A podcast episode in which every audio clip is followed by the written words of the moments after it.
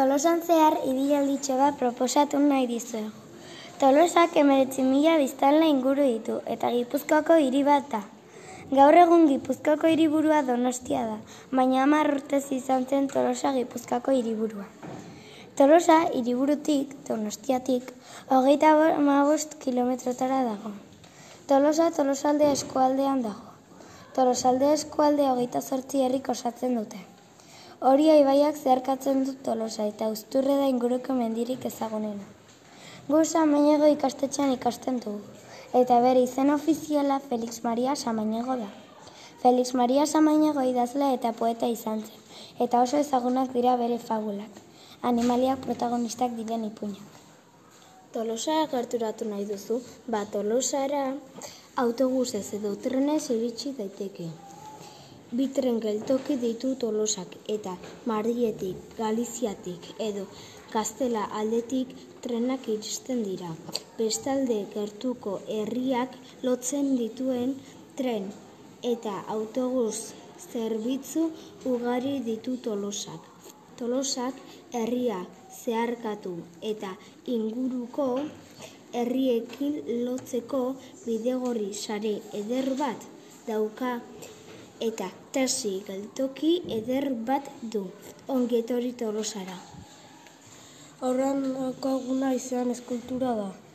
Eskultura hau arramele auzoan aukitzen da trinkete plazan. Bere egilea Jose Ramon handa da. Aizean esfera tolestu bada metalesko egitura bati lotutako kable batetik zintzilik dagoena. Bi pieza osatuta dago bata altzairuzkoa da, bestea esekita.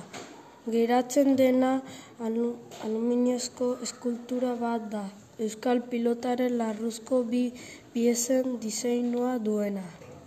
Eun kilo baino gehiago pisatzen du, eta bat koma berrogeita mar metroko zabalera hartzen du.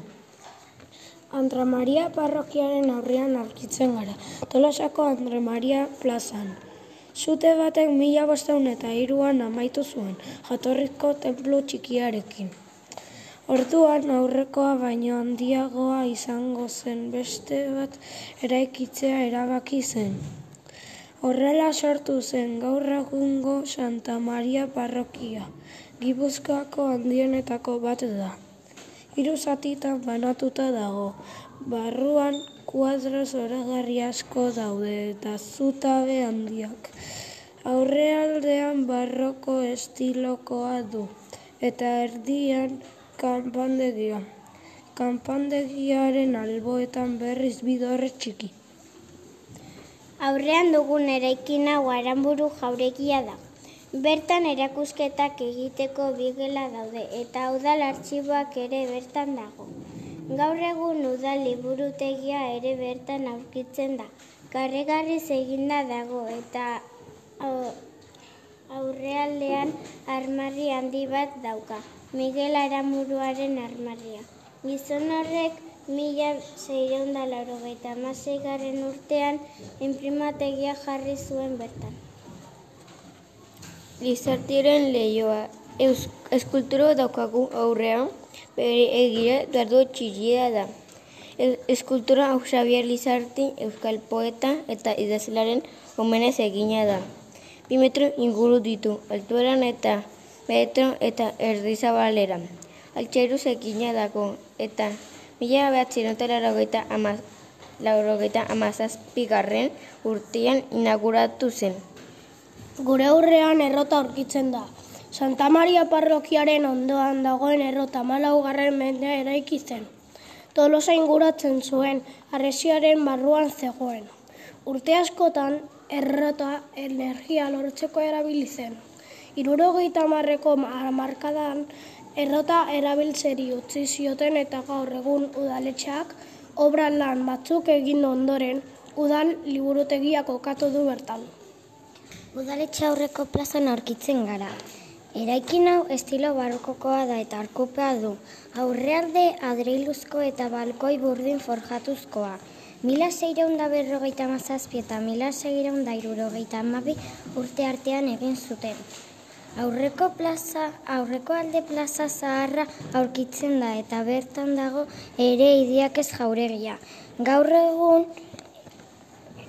eraikin nagusi alkatetza eta udal pleno aretoa aurkitzen da eta aldameneko eraikinean aurkitzen da di, aurkitzen dira udal bulegoak.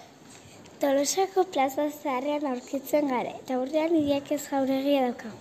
Tolosako erekin zarretako bat da, eta naparzoiaren ondoan dago. Egungo jauregiaren aurrealde nagusian ere harri zegina dago, eta ibai aldearen eramaten den fatxadat berriz adreilu zegina. Etxe honetan bizi izan zen Feliz Maria Samaneo Faura idazlea eta mila zazpileun da irurogita urteetan Tolosako alkatea izan zena. Zer kausian aurkitzen gara. Aspalditik inguruko baserritarrak bertan elkartzen dira, beraien produktuak saltzeko. Gaur egun larun batero egiten da baserriko produktuen azoka. Azoka amairugarren mendean geroztik egiten da. Hasieran udaletxeko plazan egiten zen. Mila zazpira udalaro gaita bosgarren urtean berriz zerkauzioa eraiki zen eta arrezkero bertan egiten da azoka. Azukaren kokapena ez da kasualitatea inondik ere emezortzi garren mendeko bibiderik garrantzitsuenen artean dago. Gaztelako errege bidea eta ibaia zeharkatzen duen zut bitik nafarroa zioan bidea. Horia ibaiaren alboan aurkitzen gara. Horia ibaia gipuzkoako ibaia garrantzitsuena da. Aizkorri mendi inguruan sortzen da eta horion itxasoratzen da laurogeita bi koma irurogeita bost kilometro luze da, eta berrogeita mala udalerri ukitzen ditu. Aspalian hori ibaiaren alboetan lantegi asko zeuden, eta ibaia oso kutsatua egon zen, gaur egun oso garbia dago, eta bertan animali eta landare asko urkitu ditugu. Napar zubiaren gainean aurkitzen gara, tolosako bista, bista ezaguna. Nafarro aldera joateko edo Nafarratik zetozen entzat horia ibaia pasatzeko betiko zubia. Ibaian berago dagoen arrameleko zubia bezala Uste da mairugaren mendean jada arrizkoa zela Hasieran lau begi zituen eta hemezortzi garren mendean bosgarren bat gehitu zioten. Bostak desberdinak dira eta kareari grise eginak daude. Behin bano gehiago zubi hau birmoldatua eta zabaldua izan da. Tolosako zezen plazaren aurrean aurkitzen gara. Zezen plaza Tolosako zabalgunean dago hori ibaiaren ondoan. Mila bat iruan inauguratu zen zezenketa batekin. Denera bost armailetan bost mila bosteun eserleku ditu. Urtean zehar zezenketa sokamuturra eta herri kirola puzua naiz txapelketak ospatu hoi dira. Bestalde tolosako inauterietan jendez lepo bete hoi da. Arratxaldero ostegun gizenetik hasi eta arzte hartita arte zuzko zezenak egon hoi direlarik. Tolosako zezen plazaren aurra aurkitzen gara. Aurrean dugun eskultura zezen plazaren mendeurrena betdaitzen da. Egilea Tobas Hernandez mendi zabal da. Lau metro inguru neurtzen du. Altuera eta bestain beste zabalera. 2000 mairuko maiatzean inauguratu zen. Tolosako inauteriak eta zaletasuna mentzeko eskultura da. Burdina segina dago eta zezen baten figura eta arlekin batena agiri dira Tolosako inauteriei erregentzia egiteko. Tolosako beste eskultura baten aurrean aurkitzen gara, goldea. Emeterio arrezeren lorategietan gaude. Nestor Basterretxea da eskultura honen egilea. Eta jolas egiten du golde handi baten ideiarekin ideia horrekin baserritarren munduari egin nahi dio omen. Bi mila urtean inauguratu zuten.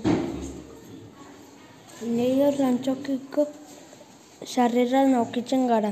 Leidor zinema edo eta leidor zin, antxo, zi, zinema dipuzkoako ako tolosan uda, uda lerrian dagoen antxoki bat da. Bertan erak Bertan astero filmak pantailatzeaz gain, antzerki lanak naiz musika emanaldiak ere eskeniai dira. Bestalde urtero bertan Tolosako nazioarteko abesbatza lehiaketa ere ospatu ohi da. Mila behatzireun da irurogeita bat garren urtean, menor filma famatuekin inauguratu zen eta sekulako arrakasta izan zen. Orduan, mila zortziren eserleku inguru zituen. Gaur egun zortziren eserleku inguru baino ez ditu. San Francisco pasalekura aurrera guaz, eta hemen dugu behoti bat pilotalekua. Behoti bar, tolosako udal pilotalekua da. Mila zortzireun eta laro geitamarreko otxailaren amalauan ireki zuten, eta mila berronta hogei iguslarentzako tokia dauka goi mailako pilota partida ugari jokatu dira han. Batez ere eskutzekoak eta zesta puntakoak. Tolosako pilota eskolaren egoitza da.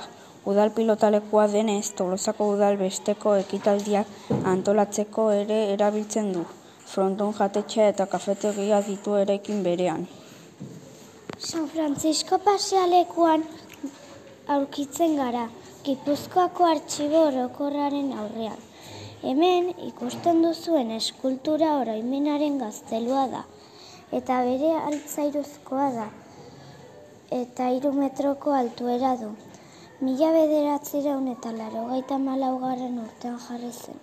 Hemen eta herriaren memoria islatu nahi du. Aurrea ditugu San Francisco Liza eta komentuak. San Francisco autoridaren hasieran dago. Notibal, pilotalekutik hurbil Bilboko artxibor orokoraren alboan dago. Mikel Aramburu Fraide arkitektoak proiektua, proiektatu zuen amasei garren mendean. Mila boston da laro gita garren urtean eraiki zen. Garai batean baratzi zinguratuta zegoen. Aurrealde zurruna eta kanpaia dorrerik gabea du. Arkupe batu aurrealdean eta bertara sartzeko hiru sarrera orku formakoak. Barnealdean margolak ugari ikusi daitezke, etra aurrealdean erretaulatu. Triangulo plazan aurkitzen gara, aurrean dugu eskultura eta du izena eta Jorge Oteizak egina da. Plaza honetan mila bederatxire ondalaro gita malagurtain ipini zen. Tolosa alde zaharren eta zabalgunearen artean dago. Triangulo plazaren erdian gaztelako atetik gertu. Ate horretatik sahar ziteken tolosa, tolosara erdi aroko. Arresia zuenean eta oraindik zutik dirau. Altzairu egina dago eta hiru metro inguru ditu. Altuera eta bost metro zabaleran. Eskultura izena atauts, ate eta huts. Itzetatik dator. Eskulturak ate bat islatu nahi du. Euskalonien plazen aurkintzen gala, haulean daukagu topi museoa. Topi museoa txontxogina atxean da, mundu guztiko txontxoniruak ezagutu eta antzinako arte honen. Inguruan gauza asko ikasiko dituzu belta. Txontxoniru laritzen Europan dagoen gunenekin galantzizua da. Elaikin alen barru aldeari dagokinoz beheko zolairun kokatzen da. Antzoki eta beleunde belogita ama ikusle sartzen dira belta. Honetaz gain entzeku eta solmek aldeto bat du. Bigarren solairun museoa eta bertan elakusketa desberdina antolatzen dira. Berdura plazeran erdian arkitlen gara, tolosako zeriko bioazia arkitlen da. Eraiki zutenean ez zeukan estaldurarik. Mila zortzireun dalaro meretzian, Jose Alejandro Mujika arkitektoak estaldura erantzizion. Egitura burdinez eta gaina kristalez. Plazaren erdialdean Ramos Azkareteren bustoa dago. Ramos Azkarate zapataria eta bertsolari ezaguna izan zen. Plaza hau astero larun bat goizean ospatu ohi den Tolosako azokaren hirugune nagusietako bat da. Eta batez ere barazkiak, landareak eta loreak saltzen dira. Alde zere plaza berean aurkitzen gara. Alde zarean dago, emezortzi garen mendekoa da. Abazos etxea dago plaza honetan. Iraikin honetan zegoen kokatuta aspaldian udaletxea, eta gaur egun aurtzaindegia dago. Plaza honetan mota guztietako jai eta ospakizunak antolatzen dira, baita zezenketak ere. Plaza erdian borobil formako kiosko bat dago.